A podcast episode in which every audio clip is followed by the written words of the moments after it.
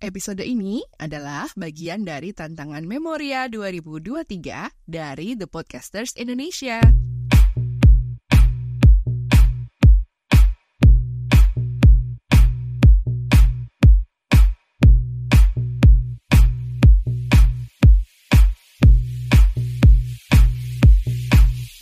Halo, Assalamualaikum Bu Ibu, apa kabar? Apakah dirimu seceria bulan September? Kan kalau kata Vina Pandewinata itu September ceria September ceria milik kita semua Gitu Mudah-mudahan ya Bu ya Anyway, Bu Ibu, apa sih yang bikin Bu Ibu jadi ceria banget di bulan ini? Gaji?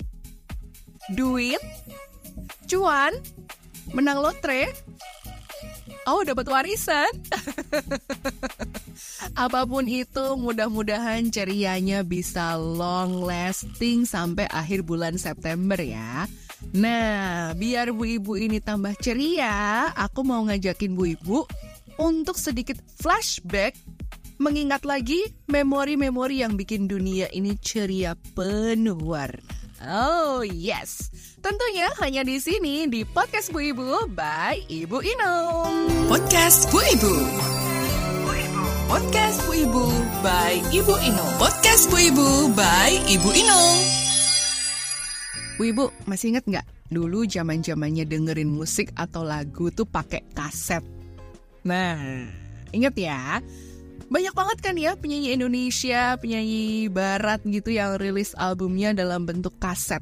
Nah, itu kita kira-kira ada di tahun 90-an gitu ya, Bu ya. Jadi ketahuan umurnya nih.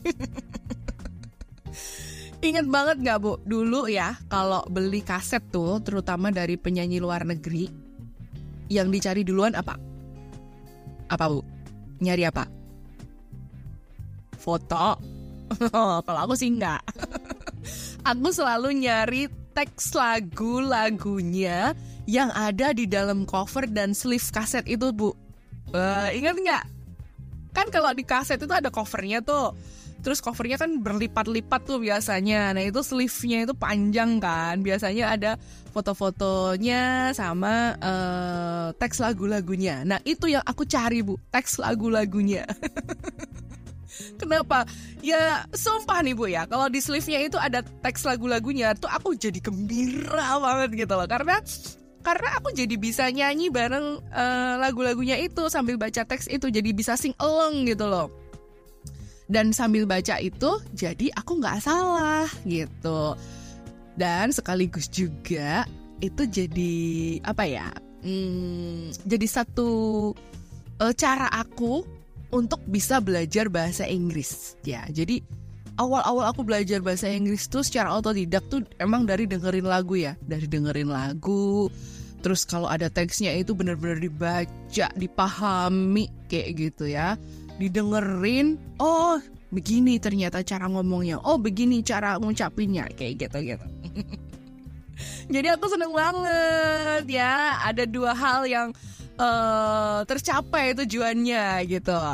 Tapi bu, kalau giliran dapet cover dan sleeve-nya itu nggak ada teks lagunya, ah, bener deh, kecewa berat.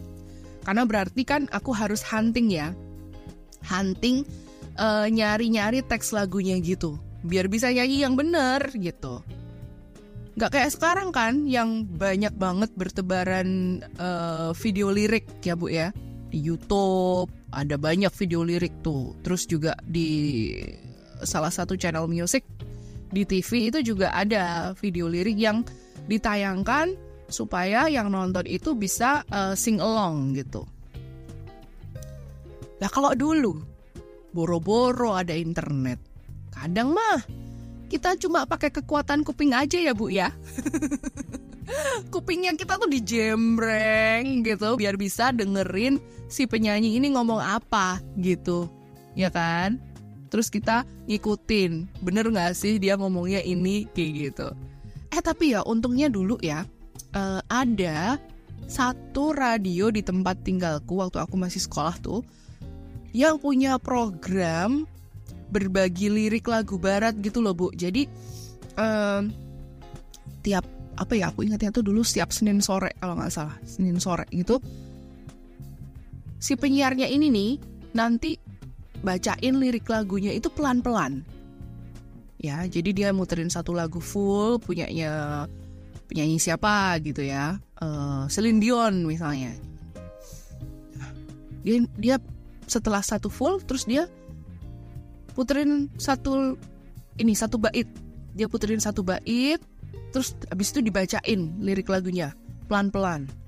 Jadi kita yang dengerin itu bisa nyatet bu, bisa nyatet lirik lagunya. Wah, itu program yang aku tunggu-tunggu banget gitu. Aku seneng banget itu karena aku jadi bisa tahu lirik lagu yang aku suka itu dengan benar gitu dan aku bisa akhirnya nyanyiin bareng. Wah, itu tuh satu pengalaman yang berarti banget buat aku karena aku juga bisa sekalian belajar bahasa Inggris kan gitu kan. Uh, berasa banget sih effortnya memang. Tapi justru itu salah satu memori yang bisa bikin aku tuh happy gitu di tahun 90-an kayak gitu. Udah gitu ya Bu ya, menurutku ya lagu-lagunya di tahun itu tuh juga TOPBGT banget gitu. Top banget, enak didengerin gitu ya. Liriknya tuh simple. Terus menurutku jarang banget ya lirik lirik-lirik yang eksplisit kayak lagu-lagu zaman sekarang gitu kan. Kalau sekarang kan terlalu banyak lirik eksplisit ya dan tidak baik untuk uh, umur-umur tertentu gitu.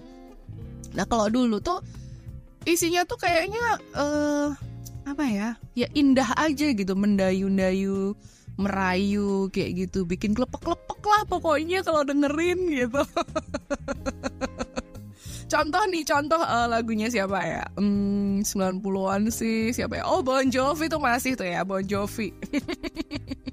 Bu Iwo pasti tahu Bon Jovi dong ya. Bon Jovi. Nah kalau kita dengerin sekarang nih di masa sekarang lagu-lagunya Bon Jovi yang dulu lagu-lagu Bon Jovi yang dulu ya yang 90-an itu kita dengerin di masa sekarang kesannya ya ya Allah gini ya jadul banget gombalannya gitu ya tapi dulu dulu ya bu ya di tahun itu kayaknya kalau kita dinyanyiin gitu aja tuh udah rasanya berbunga-bunga gitu. Aduh seneng banget. Kita jadi kebayangin lagi dirayu sama cowok gitu. Ya nggak sih? Ya nggak? Nah kira-kira memori apa lagi bu ya? Hah? di tahun 90-an masih ingat? Ya, betul. 90-an tuh bisa dibilang apa-apa serba baru ya, termasuk uh, teknologi komputer. Ingat nggak? Belajar komputer masih pakai WordStar. Ingat nggak? iya itu WordStar. Mm -mm, yang pakai dua disket. Yang satu disket yang tipis banget, sama disket yang kotak yang tebelan dikit Nah, biar programnya muncul tuh harus dipakai tuh disketnya. Baru deh habis itu bisa dipakai belajar ngetik ya. Jadi pelajaran pertama dulu pelajaran komputer dulu di sekolah itu adalah itu uh, bagaimana mengoperasikan WordStar. Terus ngetik. Aduh, kalau dipikir-pikir ya, kalau diinget-inget lagi dulu itu emang ribet gitu kan. Ribet banget gitu. Tapi kok kita seneng ya gitu ya. Dan kita menikmati itu gitu loh. Kita amazed gitu. Wah ada ya teknologi seperti ini. Memudahkan kita nih gitu ya. Nggak perlu nulis tangan lagi gitu. Karena kalau udah bisa menguasai bawaannya seneng banget. Apa-apa diketik gitu ya. Apa-apa di print terus juga printernya pun masih inget nggak bu? Printernya masih pakai yang bunyi-bunyi gitu kan dulu? Printer dot matrix. Yang bunyinya gitu. Sumpah itu berisik banget. Tapi memang itu adalah salah satu hal yang uh, nancep di pikiranku gitu. Nancep di memorinya aku juga gitu kan bahwa kita tuh pernah loh mengalami masa-masa itu dan itu bisa jadi cerita juga nih buat anak-anak kita ya gak sih? Gitu. Sebelum semua uh, semua hal yang memudahkan sekarang ini dulu tuh cikal bakalnya tuh seperti itu kayak gitu dan ada lagi nih, uh, kalau Bu Ibu masih ingat pengalaman dan memori menarik lain di tahun 90-an. Ya buat aku sih menarik ya. Tapi aku yakin Bu Ibu juga pernah mengalami experience ini. Apa? Ingat nggak? Iya. Iya betul. Kita pakai telepon umum. Masih inget kan? Dulu ya, telepon umum itu sangat merajalele gitu ya. Di mana-mana ada gitu kan. Dulu kan uh, belum semua rumah itu bisa pasang telepon kan belum bisa pasang telepon untuk rumah pribadi gitu. Jadi mau nggak mau kan harus jalan dulu ke telepon umum terdekat gitu. Ya untung banget sih aku dulu rumahnya kalau mau pakai telepon telepon umum tuh tinggal nyebrang aja gitu. Bawa koin segepok. Ya, kenapa kok bawa koin? Karena telepon itu hanya bisa beroperasi kalau sudah dimasukin koin gitu. Jadi ceritanya dulu tuh aku seneng banget ya pakai uh, telepon umum itu bukan untuk keadaan yang gimana gimana gitu kan. Jadi bawa koin segepok ke kotak telepon umum itu. Uh, koinnya koin uang seratusan zaman dulu itu loh yang ada gambar uh, wayangnya itu, yang ada gambar gunungan wayangnya itu. Nah dimasukin deh itu ke lubang celengannya itu. karena mirip, memang mirip lubang celengan ya dimasukin ke situ terus pencet-pencet nomornya teleponnya ke radio aku telepon ke radio aku request lagu terus aku kirim-kirim salam itu 90-an banget kan dan kenapa harus segepok bawanya? Karena takut kalau ngomongnya belum selesai, sambungan teleponnya itu udah keputus gitu loh. Makanya kalau udah sekian menit, masukin lagi koinnya buru-buru gitu kayak nyelengin gitu. Terus kalau udah selesai telepon tuh ya, buru-buru balik ke rumah gitu ya, segera nyebrang, segera pulang gitu. Langsung deh dipantengin radionya. Kenapa? Pengen tahu. Beneran gak sih lagu yang aku request tadi diputerin? ditunggu gitu ya. Oh ternyata diputerin. Wah kalau diputerin tuh uh senengnya minta ampun. Besoknya bisa cerita ke teman-teman di sekolah dengan bangganya gitu. Eh tau gak sih? Aku kemarin nelpon ke radio request lagu loh. Terus diputerin lagunya. Wah gitu. Ketawa aja ceritaan bareng sama teman-teman gitu. Kayaknya asik aja ya uh, experience-nya kayak gitu dan memang uh, waktu 90-an ya I grew up with radio ya Bu ya. Jadi memang seneng banget gitu dengerin lagu-lagu gitu. Nah, pas bapak ibuku akhirnya bisa pasang telepon sendiri di rumah, ya telepon-teleponannya masih lanjut. Gak cuma ke radio tapi sama temen-temen kalau malam gitu. Kadang aku yang nelpon mereka nanyain tugasnya, PR-nya gitu. Kamu yang nomor ini bisa nggak sih kayak gitu atau kadang aku yang ditelepon gitu temanku curhat ngobrolin soal cowok yang ditaksir gitu.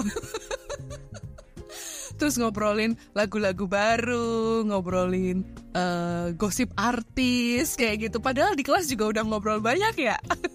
Nggak tahu aja di kenapa di rumah tuh juga uh, nelpon kayak gitu. Nah uh, gosip artis nih ya ngomong-ngomong ya. Biasanya tuh kita dapetinnya dari majalah remaja. Ingat nggak, Bu?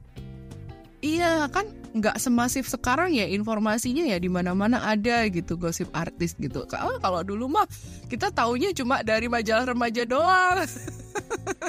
Ingat nggak? Uh, dulu tuh ada majalah-majalah kayak uh, gadis tuh ya majalah gadis terus majalah kawanku terus ada Anita ada Hai ada majalah Hai ada mode juga ada yang paling booming tuh majalah aneka yes gitu. Wah dulu tuh kalau nggak kenal sama majalah itu tuh dibilangnya nggak gaul. Karena apa? Karena sumber wawasan pergaulan yang trendy di masa itu ya majalah remaja yang isinya model-model kece gitu. Terus gosip-gosip artis Indonesia, gosip-gosip artis Hollywood tuh juga ada di situ gitu. Pokoknya kalau nggak baca itu dijamin nggak bakalan ngerti deh. Dunia keartisan kayak gitu. Ya, pokoknya sebelum era internet menyerang gitu ya, yang remaja-remaja 90-an kayak aku gitu ya udah langganan begituan tiap minggu gitu dan ada excitement tersendiri kalau udah pegang terbitan paling baru dari majalah-majalah itu gitu bisa asik baca-baca terus juga kalau dapat bonus pin up atau poster gitu ya langsung digunting, dipajang di kamar gitu. aku tuh inget banget ya, dulu dapet uh, posternya Devon Sawa. Devon Sawa tahu ya, terkenal banget lewat Final Destination kan. Nah sebelum dia terkenal lewat Final Destination tuh zaman dulu tuh ya, aku dapat Devon Sawa, uh, dapat poster Devon Sawa tuh dari Aneka Yes kalau nggak salah ya. Terus langsung aku tempel di kamar Soalnya waktu itu aku ngefans sama Devon Sawa kan gara-gara dia main di film Casper dulu cakep banget. ya ampun, jadul banget ya filmnya Casper ketahuan banget nih umurnya. Aduh, Bo, kadang nggak nggak kerasa ya. Kadang kita tuh nggak kerasa ya ketika kita bisa flashback ke tahun-tahun di mana kita merasa sangat berkembang dulu. Bikin kita tuh nggak sadar senyum-senyum sendiri gitu ya. Ketawa-ketawa sendiri gitu. Kayak aku sekarang nih ya. Dari tadi aku cerita bisa sambil senyum bisa sambil ketawa-ketawa gitu. Tandanya memang aku menikmati banget momen-momen dulu itu gitu ya. Semua experience itu berkesan banget buat aku dan membekas banget di hati aku. Dan aku yakin juga Bu Ibu pernah punya experience yang sama kayak aku atau mungkin yang berbeda juga. Tapi aku yakin punya experience yang bikin bu ibu itu senyum senyum-senyum dan ketawa-ketawa sendiri ketika mengingat lagi gitu ketika recalling lagi gitu loh memori-memori zaman dulu kayak gitu. Dan jujur kadang aku tuh uh, pengen loh bisa ngulang lagi experience yang mengasihkan itu tanpa harus bolak-balik ngecek WA tanpa harus ribet-ribet posting di sosial media kayak gitu kayaknya kok damai aja dulu ya. ya kan? Kalau sekarang kan apa-apa diposting, apa-apa di WA-in kayak gitu. Kalau dulu kan kayaknya enggak ya, ya baca-baca aja, dengerin radio, dengerin radio aja kayak gitu. Tapi apa pun yang kita hadapi sekarang ya, kayaknya itu memang hasil dari perkembangan di tahun 90-an lalu, ya kan? Dan buat bu ibu yang sekarang ini kayaknya hidupnya kok nggak bisa seceria Vina Panduwinata. nggak usah terlalu dibikin pusing ya Bu ya. Yang sekarang ini banyak bu ibu juga yang ngerasa ah malah justru ribetan sekarang deh Bu karena semua tuh online gitu. Apa-apa serba aplikasi, apa-apa serba aplikasi. Gimana nih Bu Inung? Ya udahlah, nggak usah ngeluh gitu. Maksudnya gini, dulu kan kita juga berkembang ya. Kita me, apa ya menyaksikan sendiri loh revolusi teknologi itu berjalan gitu di tahun 90-an gitu. Sebelum akhirnya masuk tahun 2000-an itu semuanya berganti gitu. Ya sekarang kita tinggal apa menikmati aja Bu apa-apa yang sudah diusahakan di tahun dulu sekarang ada kemudahan kita nikmati. Kalau kita misalnya uh, masih kesusahan untuk mengikuti ya kita belajar gitu. Kita menyesuaikan diri gitu adapta adaptasi gitu. Karena semua itu ada masanya gitu. Mungkin yang kita rasakan dulu ribet yang sekarang anak sekarang ngerasa ribet kayak gitu. Yang jelas kita bisa milih kok ya mana yang akan kita masukkan ke dalam kotak memori kita yang uh, nantinya akan menceriakan hidup kita ketika kita itu membuka lagi memori itu gitu ya. Kita bisa pilih kok mana-mana yang harus segera dibuang dan akan kita simpan gitu di kotak memori yang menceriakan hidup kita. Ya nggak sih? Ya nggak sih? Nah makanya santuy aja bu. Santuy santuy bu Meskipun sekarang eranya udah beda dengan kita waktu dulu, tapi aku yakin bu ibu masih bisa belajar, masih bisa catch up gitu ya. Yang jelas banyakin aja ketemu orang bu, banyakin ketemu orang, banyakin uh, ngobrol, banyakin berbagi wawasan, banyakin apa namanya uh, experience yang baru kayak gitu supaya bu ibu juga bisa to date ya dan gak pusing pusing kayak gitu oke? Okay? banyakin juga bercanda bercanda gitu gitu ya supaya hidup itu nggak sepaneng ya kan? Aku ibu Inung thank you for being here with me. See you again on next episode of podcast Bu Ibu. Bye